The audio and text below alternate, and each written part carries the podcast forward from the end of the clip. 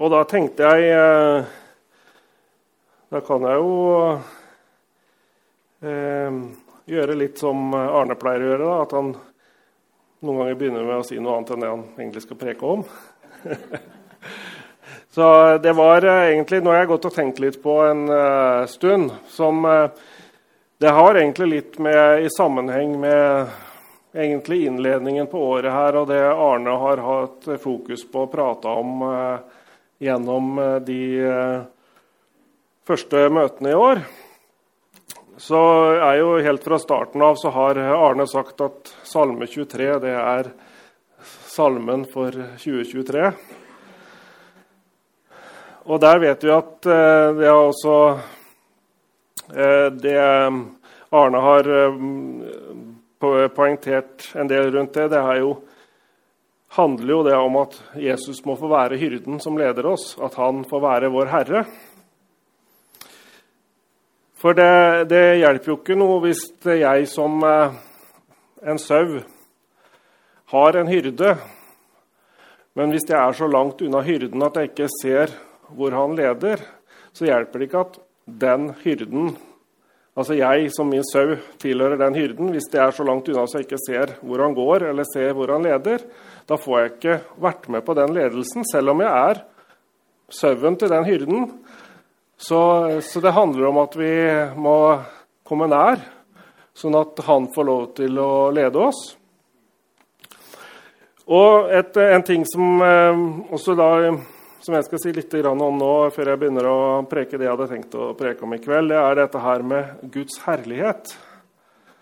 Arne har også vært litt innom det at For vi, vi lengter etter å se ting skje. Vi lengter etter å se eh, mennesker eh, bli helbreda, løst fra plager og satt fri fra bånd og lenker. Vi ønsker å se mennesker frelst iblant oss i en større grad enn det vi har sett fram til i dag. Og jeg tror at det som med, vil være med på å forløse mye av det her, det er Guds herlighet.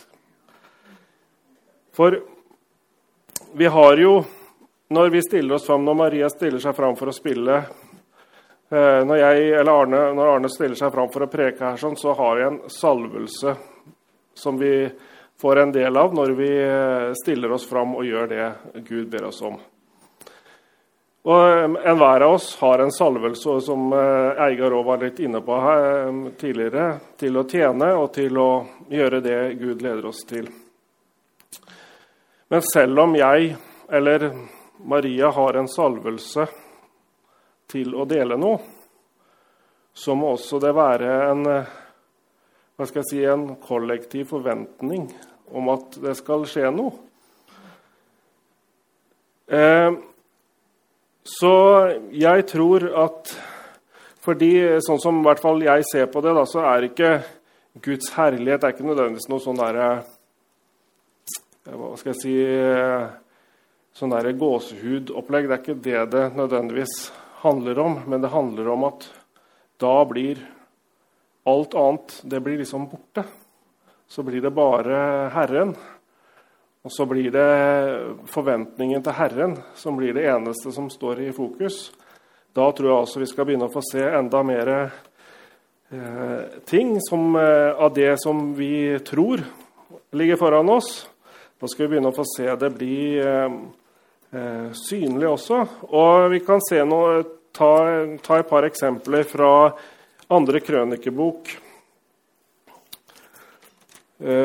om innvielsen av eh, tempelet og hvordan Herrens herlighet kom. Vi kan lese i andre krønikebok, kapittel 5.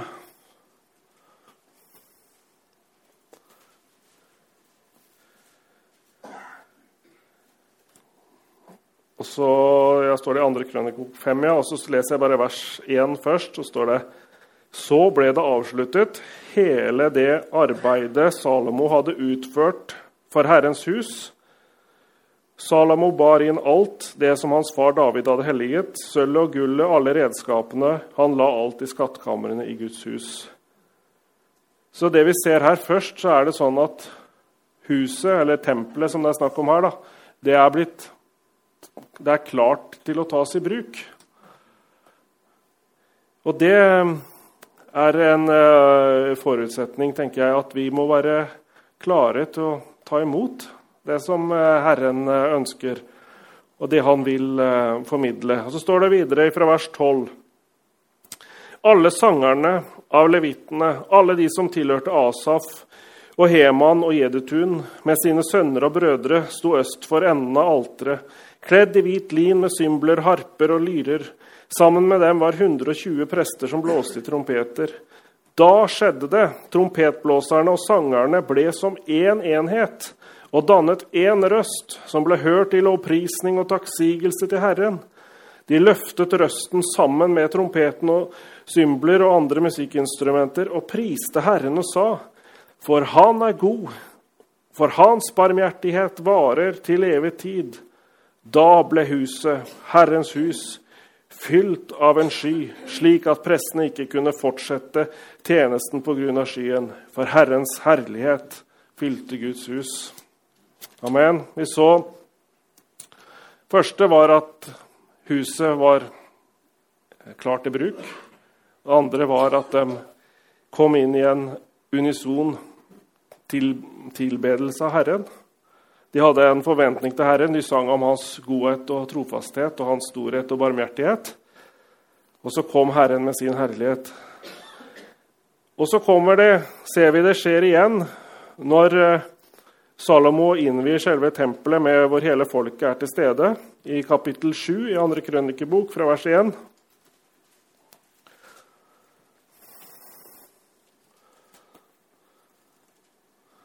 Så står det da Salomo hadde avsluttet bønnen, for det ild ned fra himmelen og fortærte brennofre og slakteofrene, og Herrens herlighet fylte tempelet. Prestene kunne ikke komme inn i Herrens hus, for Herrens herlighet hadde fylt Herrens hus. Da alle Israels barn så hvordan ilden for ned, og at Herrens herlighet kom over huset, bøyde de seg med ansiktet mot jorden på brolegningen og tilbød og priste Herren fordi han er god, og fordi hans barmhjertighet varer til evig tid. Amen. Vi ser også det at når eh, Herrens herlighet kommer Det kommer en ærefrykt, men det kommer ikke en frykt. Det kommer en ærefrykt, og den ærefrykten resulterer i at folket bøyer seg ned og priser Herren fordi han er god, og fordi hans barmhjertighet varer til evig tid. Så vi ser her eh, at eh, Herren åpenbarte seg i tempelet. Og vi vet at eh, Nytestamentet beskriver at vi er dette tempelet i dag. Vi er Herrens tempel. Og det er i oss, både som enkeltindivider og som menighet, når alle kommer sammen, hvor Herren ønsker å åpenbare seg og åpenbare sin herlighet. Han ønsker at eh, mennesker som, eh, eh som eh, kanskje er eh, oppgitt av alle, og som kom, kommer inn her, som eh, ikke har noe håp, ikke ser noen løsning på noen ting, kommer inn og får møte Guds herlighet, Guds kjærlighet og Guds godhet, så vil det føre til et livsforvandlende møte. Så jeg tror virkelig det at Gud ønsker at vi skal, også at vi skal ha en forventning om at eh, vi skal se mer av Herrens herlighet i møtene våre, i, eh, der hvor vi er. Og jeg tenkte på et bilde Jeg vet jeg har brukt det her før i en annen sammenheng. Men for en tid tilbake, så, ja, litt over et år siden, så hadde vi besøk av kronprinsen der jeg jobber. Og da var det sånn at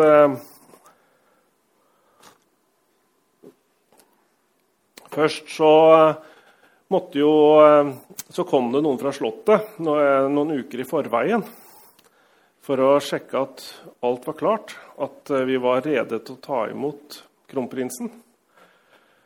Det kan hende Herren også er ute og sender ut noen eh, følere for å sjekke om vi er klare til å ta imot det han ønsker å sende. Og så var det også sånn For vår egen del da, at vi, når eh, vi visste at kronprisen skulle komme, så var det jo viktig for oss at ting var i orden. At det var pent og rent og ryddig og ordentlig eh, på der vi jobba. Vi ville jo ikke vise fram liksom, eh, en, en rønne av et bygg og møkkete og søppel overalt. og sånt. Vi ville at det skulle se bra ut. Og det tror jeg også er når vi har en forventning til at Herren skal gjøre noe, så gjør det også noe med oss. At vi blir mer bevisst på eh, hvordan, eh, ja, hva vi bruker tida vår på, hvordan vi eh, lever livet vårt. Og så kom jo kronprinsen. Jeg husker i hvert fall spesielt for min egen del. Skulle, han skulle komme inn til forskjellige avdelinger, så skulle han komme inn der jeg var, og så skulle jeg fortelle han en del rundt produksjonen hos oss. da. Og Det er klart, det er jo ikke en sånn uh, ting man er med på sånn dagligdags. Og så når uh, han kom, uh, kommer mot meg, så er det akkurat som jeg får et sånn tunnelsyn. Jeg ser bare han. For det var et helt følge som var med der. Det var jo statsforvalteren, ordføreren, masse livvakter og politi og andre politikere. og sånn. Det var jo 10-15 stykker. Men jeg så bare han, fordi det var på en måte han som var den som skulle komme. Han var den som eh, jeg skulle snakke med, og som var eh, Og da ble det bare han jeg så. Og sånn er det, tror jeg, når Herren kommer også. Så er det bare han vi ser. Da, vi ikke, da sitter vi ikke på møte og sitter og ser på klokka og lurer på når, jeg, når vi kan få kaffe, eller når vi kan få kommet oss hjem igjen. og sånne ting. Da, det, da er det Oi, er klokka så mye alt? Vi har jo nettopp begynt. Da blir det sånn isteden. Så jeg eh, eh, bare tenkte jeg skulle bare si dette som en innledning, for det er godt å tenke litt på i det siste. Og vi skal ha forventning til Herren. Vi skal ha forventning til at Han ønsker å møte oss. Han ønsker å eh, komme til eh, oss med sin herlighet, sånn at eh, Hans herlighet fyller hele huset. Amen. Da skal vi eh, kanskje gå over på eh, preken isteden, da. Så Det jeg har kalt eh, Hvis vi skal ha en tekst på den preken her, så er det 'Han er nær', er eh, overskriften i dag. Og da skal vi begynne med å gå til Romerbrevet 10.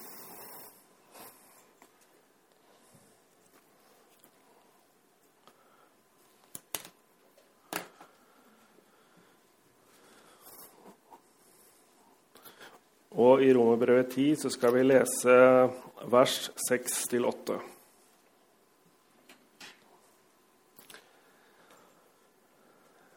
Men rettferdigheten av troen taler på denne måten. Si ikke i ditt hjerte, hvem skal stige opp til himmelen, dvs. Si for å hente Kristus ned? Eller hvem skal fare ned til avgrunnen, dvs. Si for å hente Kristus opp fra de døde? Men hva sier den? Ordet er deg nær, i din munn og i ditt hjerte. Det er troens ord som vi forkynner. Amen. Jeg, eh, jeg tror eh, det var et møte ja, for en stund tilbake hvor de verset her ble, ble talt over. Og det var akkurat som når jeg satt og leste de versa, så var det liksom som jeg så for meg eh, en eh, flokk med mennesker som står litt sånn rådville, og så står man og ser opp. Liksom er det Ja, men hvordan skal dette her gå til? Hvordan skal vi få til dette her? Hvordan eh, Hvem er det som kan hente Herren ned? Det var akkurat som jeg så, så liksom for meg at det var Og jeg tror det er litt sånn noen ganger at eh, vi som eh, kristne kan noen ganger glemme litt at han er nær. At han er nær meg. Fordi vi, hvis, Kanskje spesielt hvis vi er i en utfordrende situasjon eller har det vanskelig, eller et eller annet sånt, så, så er det veldig lett at vi tenker at ja, nå må den og den komme og hjelpe meg, eller nå må det og det skje. Eller hvis vi Eh, vi kan jo også tenke sånn litt større på det hvis vi hører en eller annen bra predikant fra Amerika sånt, som, er, som, det er mange av. Så er det lett å tenke ja, bare han kunne kommet hit og preka her, eller et eller annet sånt, så hadde det begynt å skje noe. liksom. Eller hvis bare den og den kunne gjort sånn og sånn. Eh, men eh, jeg tror ikke at det trenger å være sånn. Og jeg tror også at, eh, som det sto her Hvem skal fare ned til avgrunnen, dvs. Si å hente Kristus opp fra døde? Noen ganger så kan det nesten være sånn at vi glemmer at Kristus har oppstått. At vi glemmer at han har seiret. At vi glemmer eh, litt eh, hva det innebærer, det han har gjort. Men som vi leste her, rettferdigheten av tro, den taler ikke på den måten der. Den sier ikke 'hvem skal fare ned', eller 'hvem skal fare opp'. Den sier 'ordet er deg nær, i din munn og i ditt hjerte'. Og dette ordet da, som vi leser om i, kan vi gå til Johannes kapittel 1. Så leser vi om hvem, eller hva dette ordet er. Johannes 1,1. Så står det i begynnelsen var Ordet, og Ordet var hos Gud, og Ordet var Gud. Han var i begynnelsen hos Gud. Alt ble til ved han, og uten han ble ingenting til av det som ble til. I han var liv, og livet var menneskenes lys. Og i vers 14 leser vi Og ordet ble kjød og tok bolig blant oss og vi så hans herlighet, den herlighet som den enbårne har av Faderen, full av nåde og sannhet. Amen. Så vi vet jo det sikkert Vi vet jo det fra før òg, at det er Jesus som er Ordet. Og Når romerbrevet her snakker om at Ordet er oss nær, i vår munn og i vårt hjerte, så betyr det at Jesus han er oss nær. Han, vi vet jo at han bor ved troen i vårt hjerte. Og vi vet også at han er i vår munn. Og, og han er ikke langt borte fra oss, som vi kan eh, lese om eh, i apostelgjerningene 17.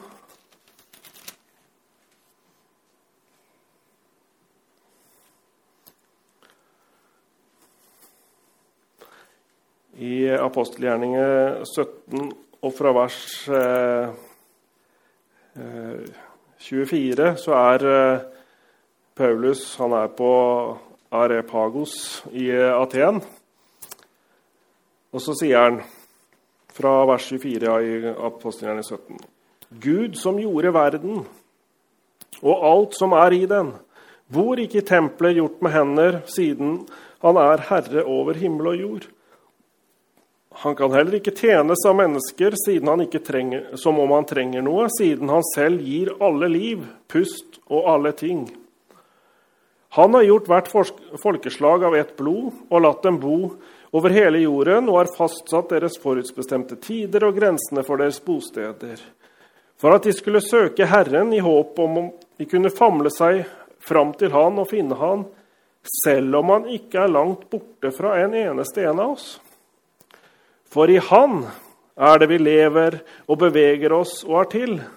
Slik som også noen av deres egne diktere har sagt, for vi er også hans slekt. Siden vi altså er Guds slekt, burde vi ikke tenke at guddommen er lik gull eller sølv eller stein, noe som er formet av menneskers kunst og påfunn. Sannelig, disse uvitenes tider har Gud båret over med, men nå befaler han at alle mennesker alle steder skal omvende seg. For han har fastsatt en dag da skal han dømme verden i rettferdighet ved den mannen som han har innsatt. Han har gitt alle grunnlag for å tro dette ved å oppreise han fra de døde. Amen. Så vi leser her at han er jo ikke langt borte fra en eneste en av oss. Eh, og Eh, det er jo selvfølgelig også gjelder jo eh, Her snakker han også til ufrelste, altså at Gud er aldri langt unna. Man kan komme til Gud uansett. Men for oss som tror, så ser det i vers 28 at i Han er det vi lever, beveger oss og er til. Og det er når vi lever, beveger oss og er til i Han, vi virkelig lever. Og det er da vi også vandrer i trygghet. Og vi vet jo det at det er ved troen på Jesus som at jeg eller vi har fått adgang og blitt plassert sammen med han. Og Derfor så er det sånn at jeg trenger ikke da lenger at en eller annen spesiell person skal måtte høre fra Herren for meg, eller han skal kunne be for meg fordi jeg ikke kan komme fram for Gud. Nei, det er ikke sånn. Jeg og du, alle vi, kan komme fram for Herren alltid. Så jeg trenger ikke å vente på noe spesielt, for Herren han er nær meg. Så kan vi se på noen eh, vers i Efeserbrevet 2. Som sier litt mer rundt det her.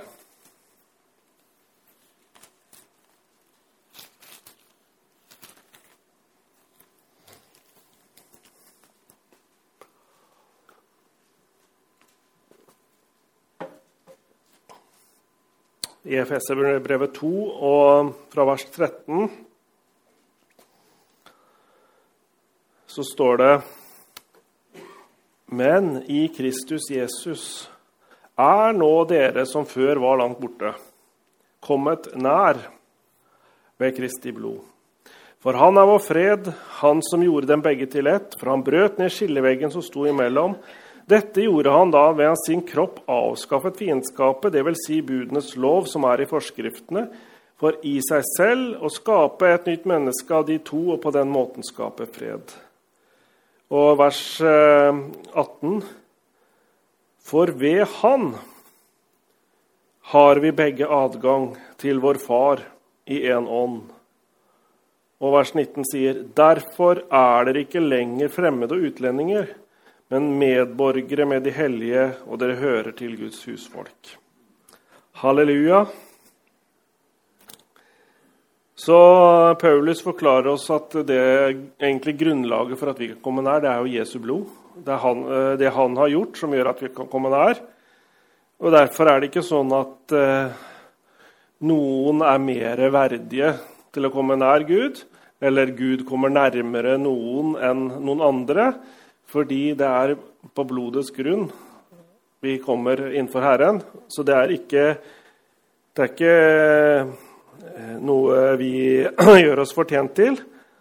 Men selvfølgelig så er det sånn at vi kan sjøl velge, akkurat som jeg tok det bildet i starten her med sauen og hyrden. Vi kan selv velge hvor nærme vi ønsker å gå hyrden, og hvor nærme vi ønsker å være. Det kan vi eh, bestemme. Men eh, han støter oss ikke bort.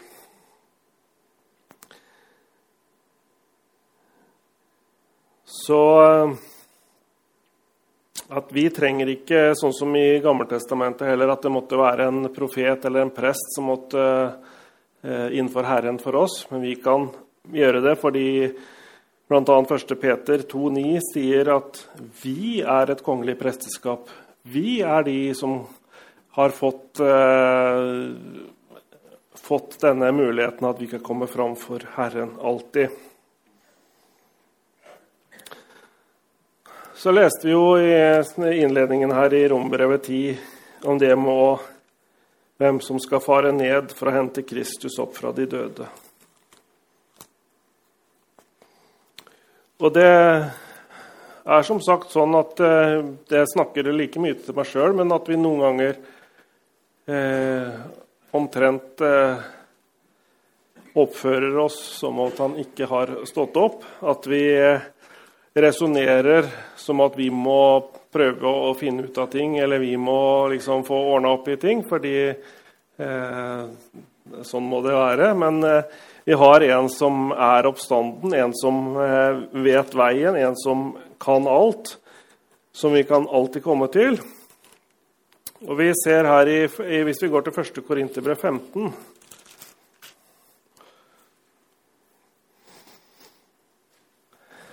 så var det noen som hadde begynt å tvile litt på om eh, Eller de hadde kommet inn noen folk der som, å, som hadde forkynt eh, en del rare ting. Så da hadde det blitt litt forvirring i, eh, i menigheten i Korint. Så kan vi lese fra vers 12 i 1. Korinterne 15.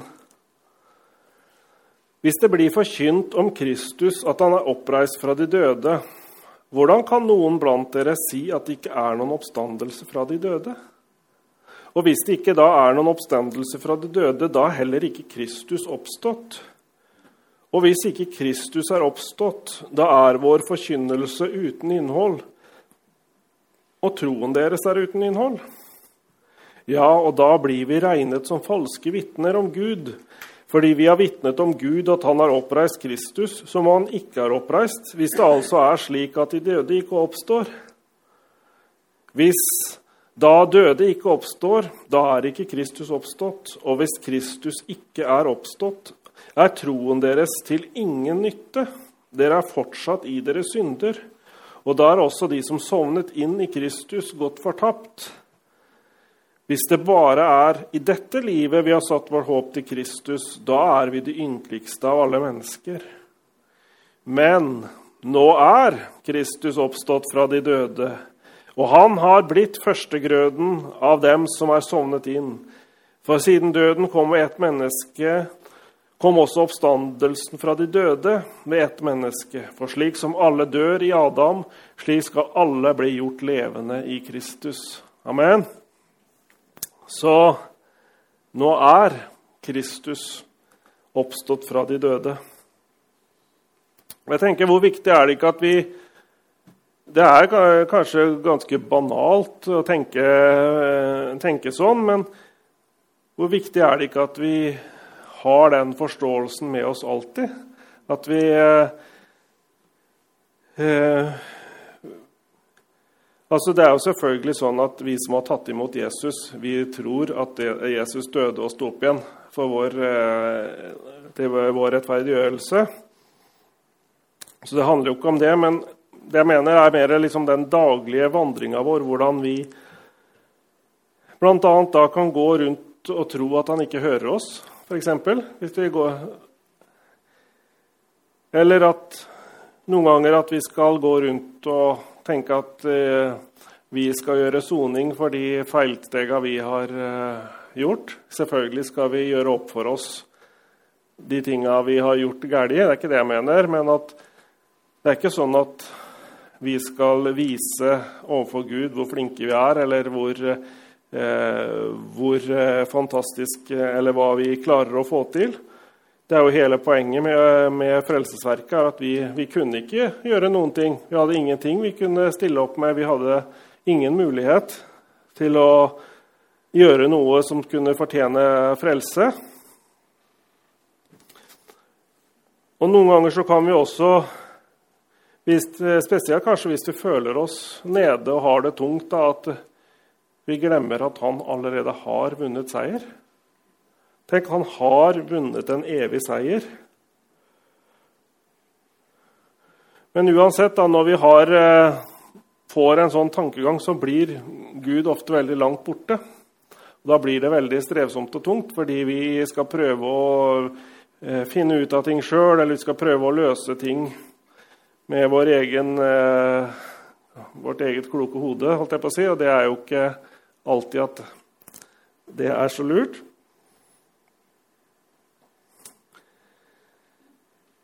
Eh, og som vi så her i vers 22, så er vi blitt gjort levende i Kristus. Så rettferdigheten av tro, som vi har vært innom her flere ganger, den taler ikke som at Kristus ikke skulle vært oppstått. rettferdigheten av tro, den lever i den realiteten at, det, at Jesus lever, og at han lever i meg.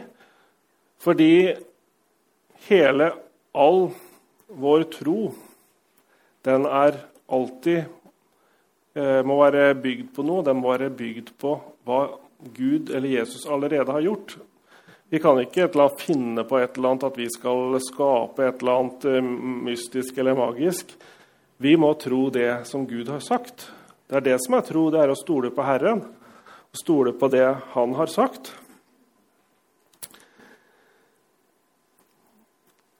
Og da kan vi eh, gå og se på noen vers i Rombrevet 8 som jeg tenker blir litt, eh, det blir litt realiteten når vi begynner å se ting med troens øyne. I Romerne 8 og ifra vers 29 eh, så kan vi lese For den som han forut kjente, dem har han også forutbestemt til å bli likedannet med sitt sønns bilde, for at han skulle være den førstefødte blant mange søsken. Og dem som han forut har bestemt, dem har han også kalt. Og dem han har kalt, dem har han også rettferdiggjort. Og dem han har rettferdiggjort, dem har han også herliggjort. Hva skal vi så si til dette? Hvis Gud er for oss, hvem er da imot oss? Han som ikke sparte sin egen sønn, men ga, for, ga, han for oss alle. Hvordan skal han kunne annet enn å gi oss alle ting med han? Hvem vil komme med anklage mot Guds utvalgte? Det er Gud som rettferdiggjør. Hvem er det som fordømmer? Det er Kristus som døde, ja, mer enn det, som også er oppstått, og som sitter ved Guds høyre hånd, og som går i forbønn for oss. Hvem kan skille oss fra Kristi kjærlighet? trengsel, angst, forfølgelse, hungersnød, nakenhet, fare eller sverd. Som det står, for din skyld blir vi drept hele dagen lang, vi blir regnet som slaktefår. Men i alt dette skal vi mer enn seire ved Han som elsker oss. Amen. Så Som jeg sa her, at det er på en måte hva vi da ser når vi ser ting med troens øyne, når vi ser frelsesverket, hva han har gjort for oss. Gud har forutbestemt oss til å bli likedannet med sin sønns bilde. Han har rettferdiggjort oss. Og så står det hvis Gud er for oss, hvem er da imot oss? Og han som ikke sparte sin egen sønn, han har gitt oss alle ting med han. Så det er eh, til å bli glad av. Det er til å bli oppmuntra av å se eh, hvem Herren er, hva Han har for oss. Fordi eh, Gud eh, Altså, Jesus, han døde ikke for at vi ikke skulle få se dette eller for å få tak i Det var jo det som var hele Guds plan og hensikt med at Kristus skulle dø. Det var at vi skulle kunne ha et levende livsfellesskap med Gud. Vi kunne ikke det i oss sjøl, vi kunne ikke det før Jesus frelste oss. Men når Jesus frelste oss, så gjorde det oss i stand ved Hans nåde til at vi kan få ha levende, en levende relasjon med Herren. Og han er nær, og han ønsker at vi skal være nær. Og Vi kan også ta noen kjente vers fra Efeserbrevet 2, som sier noe om det her.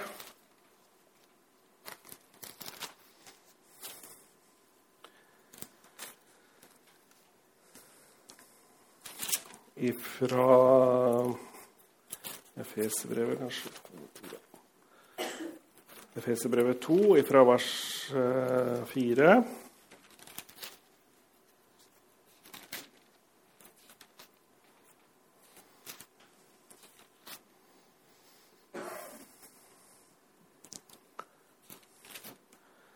Men Gud er rik på miskunn, og på grunn av sin store kjærlighet som han elsket oss med, gjorde han oss levende sammen med Kristus. Da vi var døde i overtredelsen, overtredelsene. Av nåde er dere frelst, og Han oppreiste oss sammen med Han og satte oss sammen med Han i den himmelske verden i Kristus Jesus. Halleluja. Så vi er gjort levende med Han. Vi er satt med Kristus i himmelen. Og da er det jo ikke vanskelig å være nær Herren da, når vi er satt ved siden av Han i himmelen. Så det er ikke bare det at eh, Jesus lever, men Gud har også gjort oss levende og plassert oss sammen med Jesus i den himmelske verden.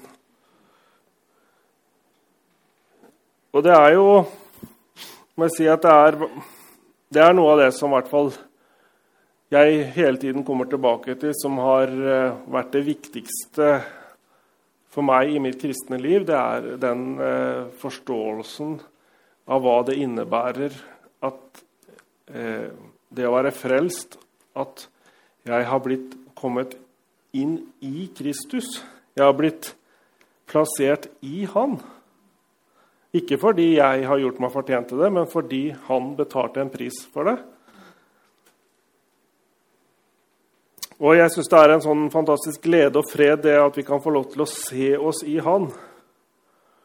Og da blir Han aldri langt borte. Når vi er i Han, så er Han ikke langt borte. Fordi Han er i oss, og vi er i Han. Men det er faktisk sånn at det er ved troens øyne vi ser det. Det er ikke ved de naturlige øynene våre, fordi da kan vi se mange ting som er vanskelig og som er til hinder for at eh, Gud kan tale til meg. Men eh, med troens øyne så kan vi se det, for ved troens øyne så tror vi at det han sier i sitt ord, er sant. Og da begynner vi å sette vårt lit til Golgata-verket. Eh, og når vi gjør det, så begynner vi å forstå og oppleve at han er nær, og at vi også frimodig får lov til å komme nær.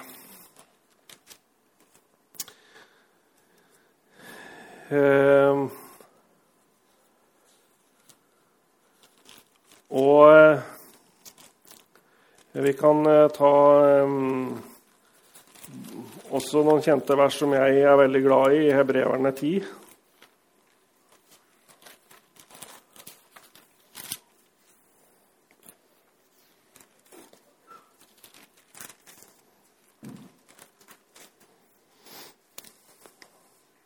Og fra vers 19 så står det derfor, søsken, har vi, ikke skal få, men har vi frimodighet til å gå inn i helligdommen ved Jesu blod. Vi har en ny og levende vei som han har innviet for oss gjennom forhenget, dvs. Si hans eget kjød. Og siden vi har en øversteprest over Guds hus, så hva da? La oss komme nær med et sannferdig hjerte i troens fulle visshet, etter at vi har fått våre hjerter overstenket og på den måten har blitt renset fra noen samvittighet, og også har fått våre kropper vasket med rent vann. La oss uten å vakle holde fast på bekjennelsen av vårt håp, for Han som ga løftet, er trofast.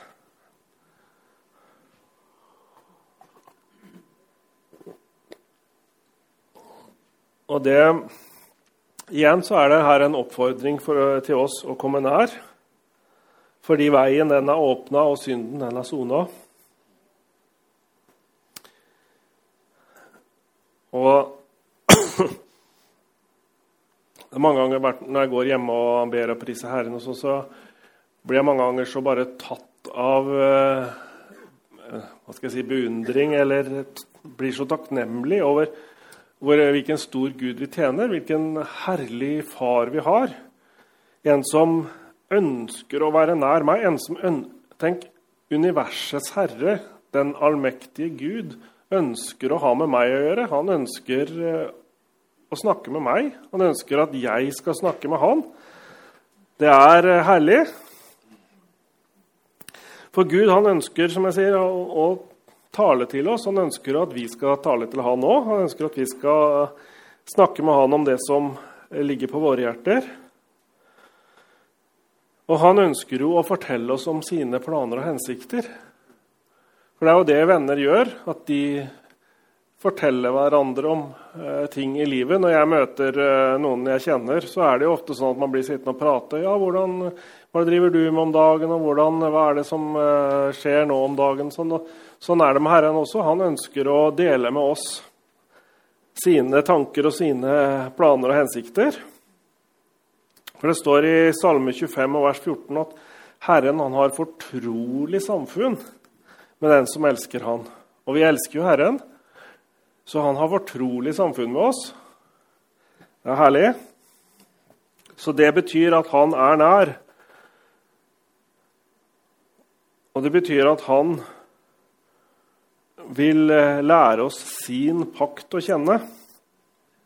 Og den pakten som han ønsker at vi skal lære å kjenne, det er jo ikke den gamle pakt, men det er den nye pakt som han eh, oppretta i Jesus Kristus. Som er jo grunnlaget for at vi får lov til å komme nær. Så, og det er jo det egentlig de versa i eh, Romerbrevet 10 snakker om, eller versa før da, snakker jo om eh, lovens måte å snakke på. Mens rettferdigheten av tro taler ikke på den måten. Den taler ikke som den gamle pakt, som sier hvem, hva, små, hva, kan jeg gjøre for å få Kristus ned? Eller hva må jeg gjøre for å få Kristus opp? Nei, jeg trenger ikke å gjøre noe med det. Det er gjort. Så den taler sånn Ordet er deg nær i din munn og i ditt hjerte.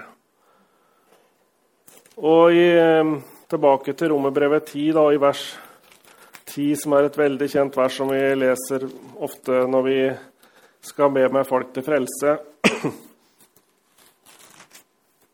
Så står det jo, for å ikke lese noe feil her, så slår jeg opp at det står For med hjertet tror en til rettferdighet, og med munnen bekjenner en til frelse.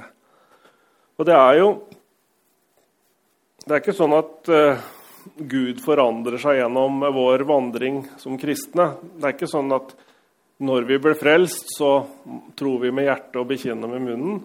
Og så resten av vandringa så skal vi legge vekk det. Nei, det er ikke sånn, fordi det er sånn Gud har uh, Det er sånn troen fungerer. er at vi ser i vårt hjerte hva er det Gud vil, hva er det Gud har sagt, og så begynner vi å snakke på samme måten som Gud har sagt.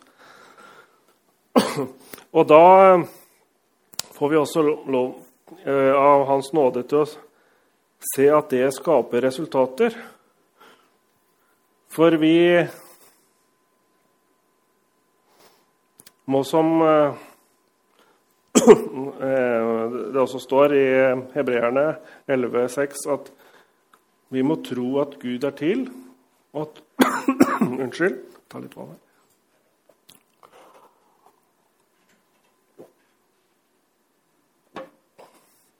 Må tro at Gud er til, og at han lønner den som søker han.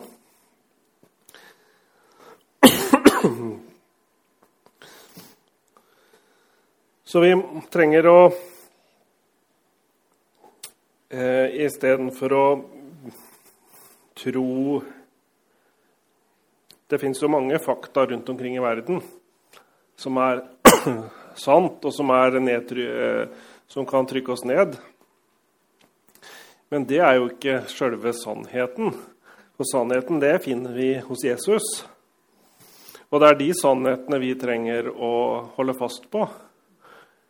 Fordi hvis vi bare holder fast på det verden sier, som kan være fakta, så kan det bare være med på å trykke oss ned hvis vi lar det prege oss for mye. Men hvis vi får tak i sannheten fra ordet, så vil jo det bygge oss opp. Så vi må stole på at frelsesverket er nok, og at det Guds ord forteller oss, at har blitt en realitet. At det er for oss. Det er ikke for liksom den eller den. Det er for deg, det er for meg. Det er eh, for oss alle. Det er ikke for noe spesielt utvalgte, som jeg har sagt før. Og så er det også sånn at djevelen noen ganger han ønsker ikke at vi skal ha, han ønsker aldri at vi skal få tak på det Gud vil at vi skal ha tak på. Derfor står det at han går rundt som en brølende løve. Og jeg tenkte litt på noen ganger hva, det bildet med en brølende løve. Det ene med en brølende løve er selvfølgelig at det skaper frykt. Når eh, vi går rundt eh, fryktsomme, så blir det veldig vanskelig å høre fra Gud. For da eh, frykten den eh, taler veldig høyt. Den gjør eh, at ja, frykten blir stor, og Gud blir liten ofte. Men den andre siden ved det at han går rundt som en brølende løve Når noen står og brøler og bråker, så tar det veldig mye oppmerksomheten. Hvis vi lar den brølinga få oppmerksomheten vår, så hører vi ikke hva Herren sier. Da blir vi opptatt av å høre hva den eh, brølapen der eh, driver og sier. Så det er noe vi, som jeg tror vi trenger å eh, forstå. At vi, vi, må ikke la djevelen få lov til å eh, komme med sin agenda, men vi skal stå han imot fast i troen, som det står. Og så må vi heller sette vår lit til hva Herren sier, for det er bare der hvor vi kan få lov til å oppleve hjelp og kraft og styrke. Vi kan gå tilbake til Efeserbrevet. Skal vi gå mot eh, avslutning her?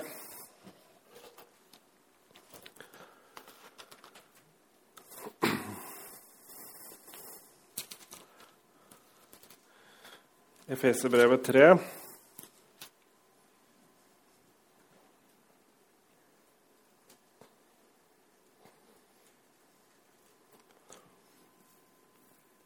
skal vi først lese vers 12. Og Der står det at i Han har vi frimodighet og adgang i tillit ved troen på Han. Så vi kan komme tillitsfulle framfor Gud, som et lite barn kan komme framfor eh, sine foreldre. Så kan vi tillitsfullt komme framfor Gud. Og da kan vi be som, eh, Hvis vi fortsetter da å lese i Efeserbrevet 3 fra vers 14, så kan vi be som eh, Paulus her ber. Av denne grunn bøyer jeg mine knær for vår Herre Jesu Kristi Far fra han ethvert farsforhold i himmelen og på jorden har fått sitt navn. Og jeg ber om at han vil gi dere blir bli styrket med kraft ved sin ånd i det indre mennesket etter hans herlighets store rikdom. Det vil si at Kristus får bo i hjertene deres ved troen, idet dere er rotfestet og grunnfestet i kjærlighet, for at dere skal være i stand til å fatte sammen med alle de hellige hvor stor bredden og lengden og dybden og høyden er, og å kjenne Kristi kjærlighet, som overgår all kunnskap, så dere kan bli fylt til hele Guds fylde. Han som er i stand til å gjøre langt mer enn alt det vi ber om eller forstår, etter den kraft som virker i oss.